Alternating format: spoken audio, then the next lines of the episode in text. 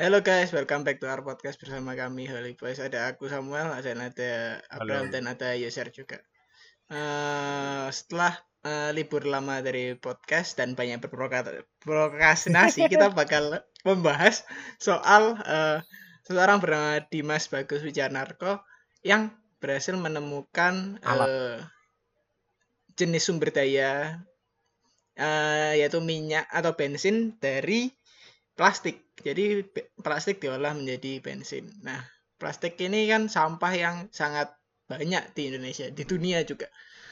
Dan kita perlu cara untuk eh, apa ya, menghancurkan, menghabisi dan mengolah plastik ini supaya menjadi eh, sesuatu yang baru. Nah, Pak Dimas ini sepertinya sudah menemukan eh, solusi buat mengatasi itu dengan cara eh, plastik tersebut diubah menjadi minyak. Nah, menurut kalian em, solusi dari Pak Dimas ini gimana Bagus. kira-kira?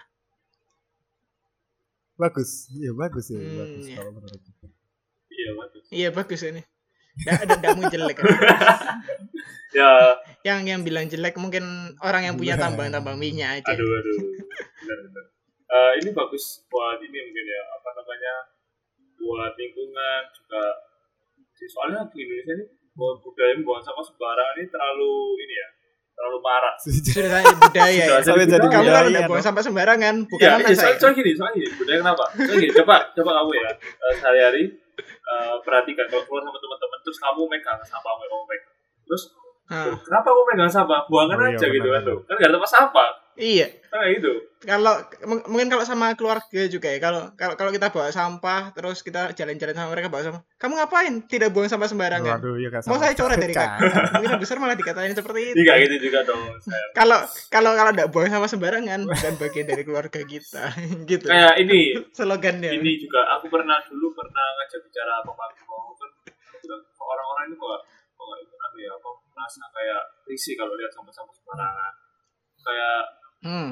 kita pun kalau buang mungkin kan apa ya mesti kayak nyari tempat sampah tapi orang-orang kenapa nggak langsung asal lempar kayak gitu loh nah, terus papaku bilang nah, terus kamu mau apa kalau gitu maunya kamu maunya maunya gimana apa kamu kalau lihat sama kalau Oh, kamu iya. lihat sampah di jalan mau mau ambil semua ya enggak caranya kita mulai dari diri kita sendiri ya bilang gitu kalau semua semua Eh. orang kayak gitu kan ini sampah ini nggak ada kayak di, di sini nggak ada aku bilang gitu Benar, benar. Hmm. terus Oke, terus di situ kan jadi kayak benar aku bisa benar. melihat insight di apa ya orang-orang yang sudah dewasa bahkan berpikir kayak buang sampah itu adalah hal yang wajar kayak gitu loh sembarangan itu hal yang Hmm. wajar Karena merasa bakal ada yang per, Hmm. ada yang bersih. Iya, sih, tapi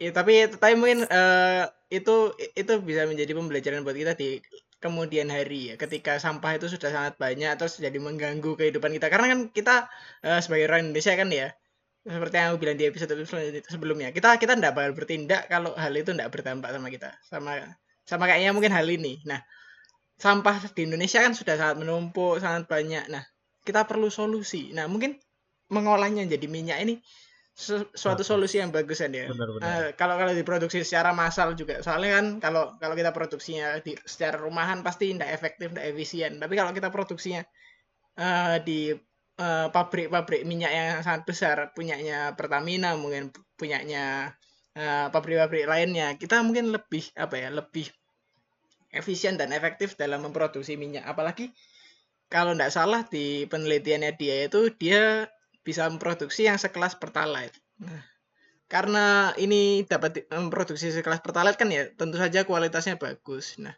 em, menurut kalian gimana kalau eh, masalah ini bisa digunakan untuk menanggulangi apa ya? ke- kayak pedagang-pedagang bensin eceran yang ada di pinggir jalan gitu. Ya, itu kan benar-benar itu bisa sih buat menangani kan biasanya orang apa ya kan yang yang aku tahu beberapa pom bensin kalau nggak salah nggak terima ya kalau orang ada orang yang apa misalnya Hmm. ngisi buat pakai jerigen atau misalnya ngisi literannya tapi nggak masuk ke sepeda motornya mereka atau kendaraan atau mobilnya mereka kan Bo itu ada atau enggak di tempat kalian? Soalnya aku pernah lihat ada tulisannya kayak gitu gitu. Dengan harusnya dengan alat ini ya bisa jadi salah satu alternatif gitu. Kalau misalnya emang mereka tidak bisa mendapatkan bensin dari istilahnya udah kepepet lah. Kalau misalnya orang dia pom bensin itu kan tiap berapa meter berapa kilometer biasanya baru muncul Hmm. satu lagi baru ke apa ada satu lagi gitu kalau misalnya tempatnya bener-bener jarak antar pom bensin itu jauh banget kan kalau misalnya bensin ada apa-apa gitu kan ya gimana lagi? Biasanya kalau kita keluar kota akhirnya carinya yang di pinggiran kan terpaksa itu kadang kan terpaksa tuh.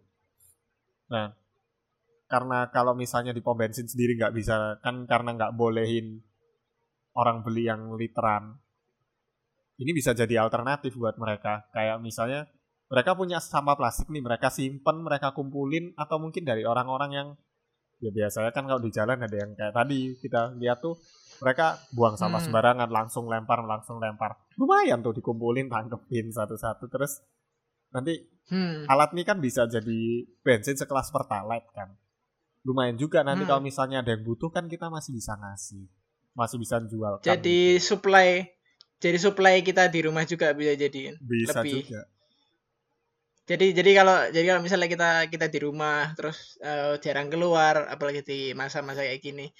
eh terus kan bensin kita biasanya gak keisi tuh kalau gak keluar rumah. Terus kita panasin, kita tinggal, kita panasin, kita tinggal. Lama-lama kan bensin habis. Ya, ini ini bisa jadi ca- cadangan ya biar biar kita nggak usah repot-repot ke SPBU apalagi kalau kendaraannya tidak ada. Eh ya kali mungkin di Aman. rumah kalian juga misalnya kan banyak sampah plastik kan siapa yang tahu Hmm, bisa juga tuh dipakai iya. lumayan.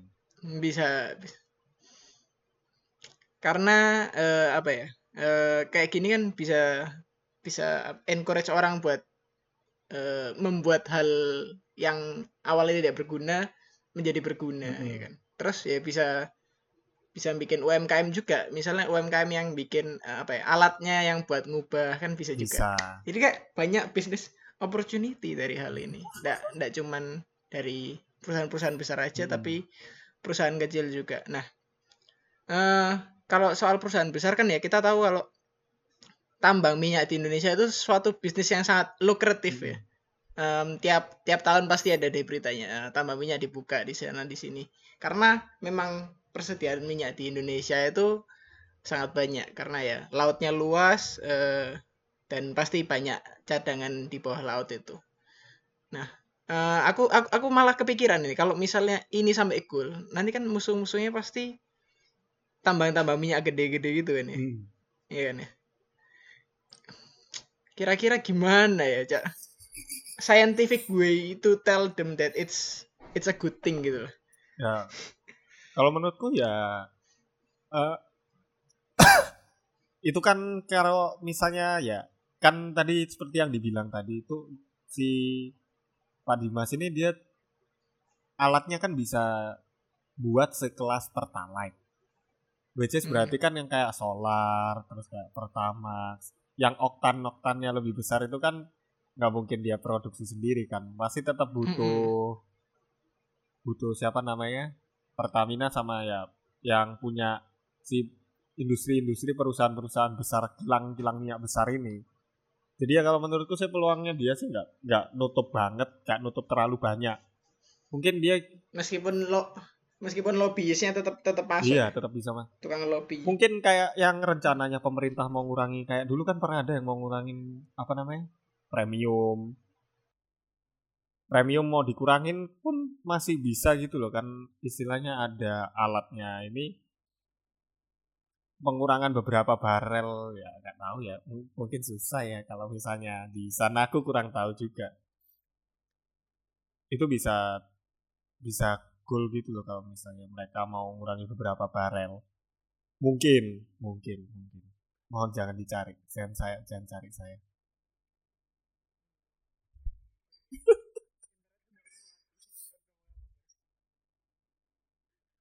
Oh no, ay. Aku habis ngomong iki Sam. Eh, mungkin nanti pengurangan beberapa barel kan bisa itu. Apa nih misalnya? Soalnya kan gak mungkin kan kita apa 100% dengan terpaku sama alat ini buat jadi bensin ini. Mhm. Kayak alternatif lah. Nah, iya mungkin mungkin bisa deh jadi suplementer dari eh, minyak jenis-jenis minyak yang ada sekarang ini karena eh, kalau kita lihat sekian lama eh, harga inflasi ini juga ditentukan sama harga minyak yang naik-naik terus juga kan ya. Jangan eh, bisa jadi kalau eh, kita mulai menerapkan suplementer dari minyak ini bisa jadi harga minyak turun. Bisa jadi loh ya. Belum tentu. ya mungkin kita ya tapi kan em, kalau kita ndak mencoba ya kita kan eh, ndak akan pernah maju. Eh, bangsa-bangsa hebat kan bangsa-bangsa yang mencoba dan gagal. Tapi mereka mempelajari dari kegagalan itu untuk strive forward even more. Ya. Benar-benar. Mungkin bisa jadi peluang juga nih kayak misalnya daripada terutama kayak bensin-bensin yang bensin subsidi. Oh nggak tahu, aku. Pertalite itu nggak disubsidi. Hmm, Setahu aku Pertalite nggak. hmm, Enggak ya, Pertalite nggak subsidi kan. Ya setahu aku yang bensin subsidi itu kan cuma premium. Kayak dulu kan premium pernah mau sempat dihapus kan beberapa pom bensin juga udah nggak punya premium. Misalnya kalau premium dihapus itu kan juga kalau nggak aku kurang ngerti ya mereka itu faktornya mau mengurangi pom bensin apa jenis bensin itu entah karena buang emisi karbonnya terlalu buruk apa terlalu tinggi atau mungkin karena juga bisa jadi karena mereka mau ngurangi ini ya apa namanya jumlah jumlah kilang-kilang yang ter- over over apa over jumlahnya terlalu Kapasitas. banyak gitu. Hmm, kapasitasnya itu kan. Mungkin nah. Mungkin kalau misalnya patennya si Pak Dimas ini dipakai pun lumayan buat ngurangi sampah nasional. Ya, bukan Iya, orang ya, sampah- tapi bukan orang. Sampah dikurangi, eh, minyak produksinya meningkat, eh, produksinya pun juga turun. dari sampah. Produksinya dari sampah juga. Alatnya kan misalnya kalau misalnya dipatenkan dan dibeli sama perusahaan kilang minyak ini lumayan daripada mereka harus ngebor beli bahan peledak lagi buat laut Iya. mereka ngumpulin sampah ini mereka mungkin olah kan bisa kayak bisa mungkin kayak ini juga tuh memberikan pasar yang apa ya lebih baik buat uh, pemulung-pemulung sampah kayak gitu loh. Hmm. Oh, sampah oh, mungkin. bisa bisa Uh, pemulung sampah kan jadi kayak mungkin dibayarnya lebih tinggi lagi Iya. karena itu jadi apa bahan yang penting.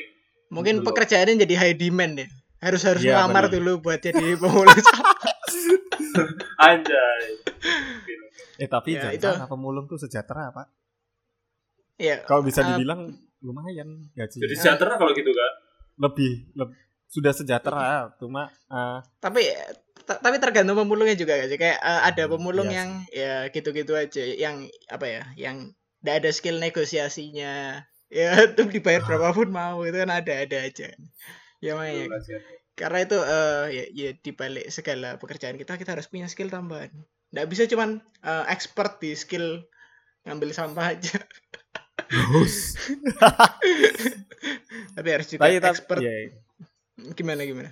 Peluangnya ini bisa menaikkan taraf hidup orang banyak. Lumayan. Hmm, iya. Ya, Apalagi kalau mungkin mungkin di negara-negara lain eh, kayak di Amerika pasti sangat susah karena lobbyingnya sangat sangat apa ya sangat sangat gila-gilaan kan di sana. Kita bisa Hmm. jadi kayak sumber sumber minyak yang yang apa yang hype gitu ya, yang eksotik. bisa jadi apalagi positifnya baru. di sini kan sumber daya alam itu kan dikuasai oleh pemerintah dikuasai Hmm. oleh negara kan jadi ya Hmm, resiko untuk te- apa permainan antar korporat masih diawasi sama pemerintah. Maksudnya Bisa masih ada jadi. masih ada kontrol dari pemerintah. Di- Ah, kalau iya. di Amerika kan punya swasta rata-rata. Iya, kebanyakan punya swa- swasta sih. Tapi memang kalau eh, inovasi mau inovasi-inovasi seperti ini ya better kalau yang ngontrol negara karena negara kan eh, ya bisa kita bilang anggarannya tidak terbatas meskipun terbatas ya, tapi ya Mm-mm. tidak terbatas lah ya dibandingkan dengan korporat-korporat yang harus mikirkan eh, pemegang saham, Ekspansi Profitnya berapa? sebagainya. Banyak banget yang dipikirkan. Kalau negara kan ya lebih loss. Hmm. Selos harga pegas. Tidak. ya, seperti itu.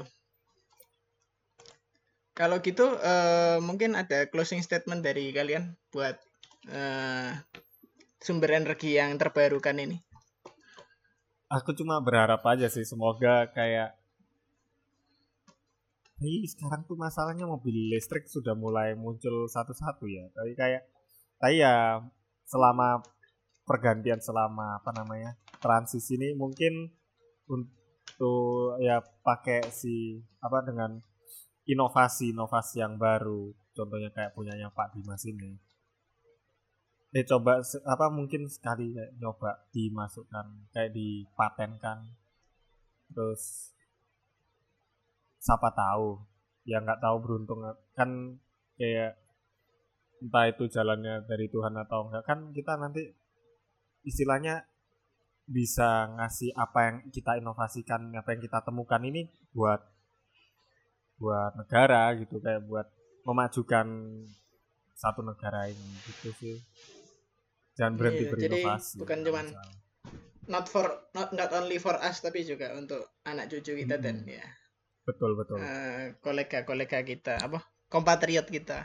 good investment. Kalau dari Abraham gimana? kalau dari aku sih ya aku harap ini kayak eh, terrealisasi ya. Bisa di- dimajukan dikembangkan. Eh, mungkin kalau dimajukan atau dikembangkan kan peluangnya sangat apa ya infinity ya mungkin bisa Hmm. menemukan cara buat memproduksi yang oktannya lebih Benar, tinggi dan bisa digunakan nggak hanya nggak hanya di kendaraan mungkin di aftur mesin-mesin yang perlukan After. ya. Aftur terbang dong. Kalau mesin yang perlu bahan bakar, diesel atau apalah itu bisa digantikan juga oleh sampah kan itu jadi kayak semakin apa ya, semakin bahan bakar jadi semakin ramah lingkungan ya. Gitu. iya Benar. Hmm, bisa bisa. Tapi tapi itu kembali lagi ya, apa ya, bangsanya juga harus berani untuk mengambil langkah kayak gitu. Mengambil langkah baru. betul betul dan nggak dan nggak apa ya, nggak mementingkan kepentingan pribadi. gitu. Iya sih. Ya, ya itu kita kita harus memikirkan juga. Em 10 20 tahun ke depan kira-kira cadangan minyak kita apakah masih ada. Kita harus memikirkan bagaimana langkah ke depannya selain listrik karena kalau eh, energi listrik mobil dengan energi listrik ya kayaknya meskipun populer tapi juga mengkonsumsi sumber daya Lainnya. yang tidak terbarukan Iya. juga. Batu bara sama sama, aja tembaga menggantikan sumber daya tidak terbarukan dengan sumber daya tidak terbarukan lainnya. Jadi ya sama aja sih sebenarnya. Yaitu kalau gitu eh, sekian dari kami Oli Boys. Eh, kami mau mengucapkan selamat Lebaran. Minal aidin wal faizin. Mohon maaf dan la- lahir dan batin. Marhaban Iya. ya Ramadan. Terima kasih dan sampai jumpa di episode selanjutnya. Bye bye.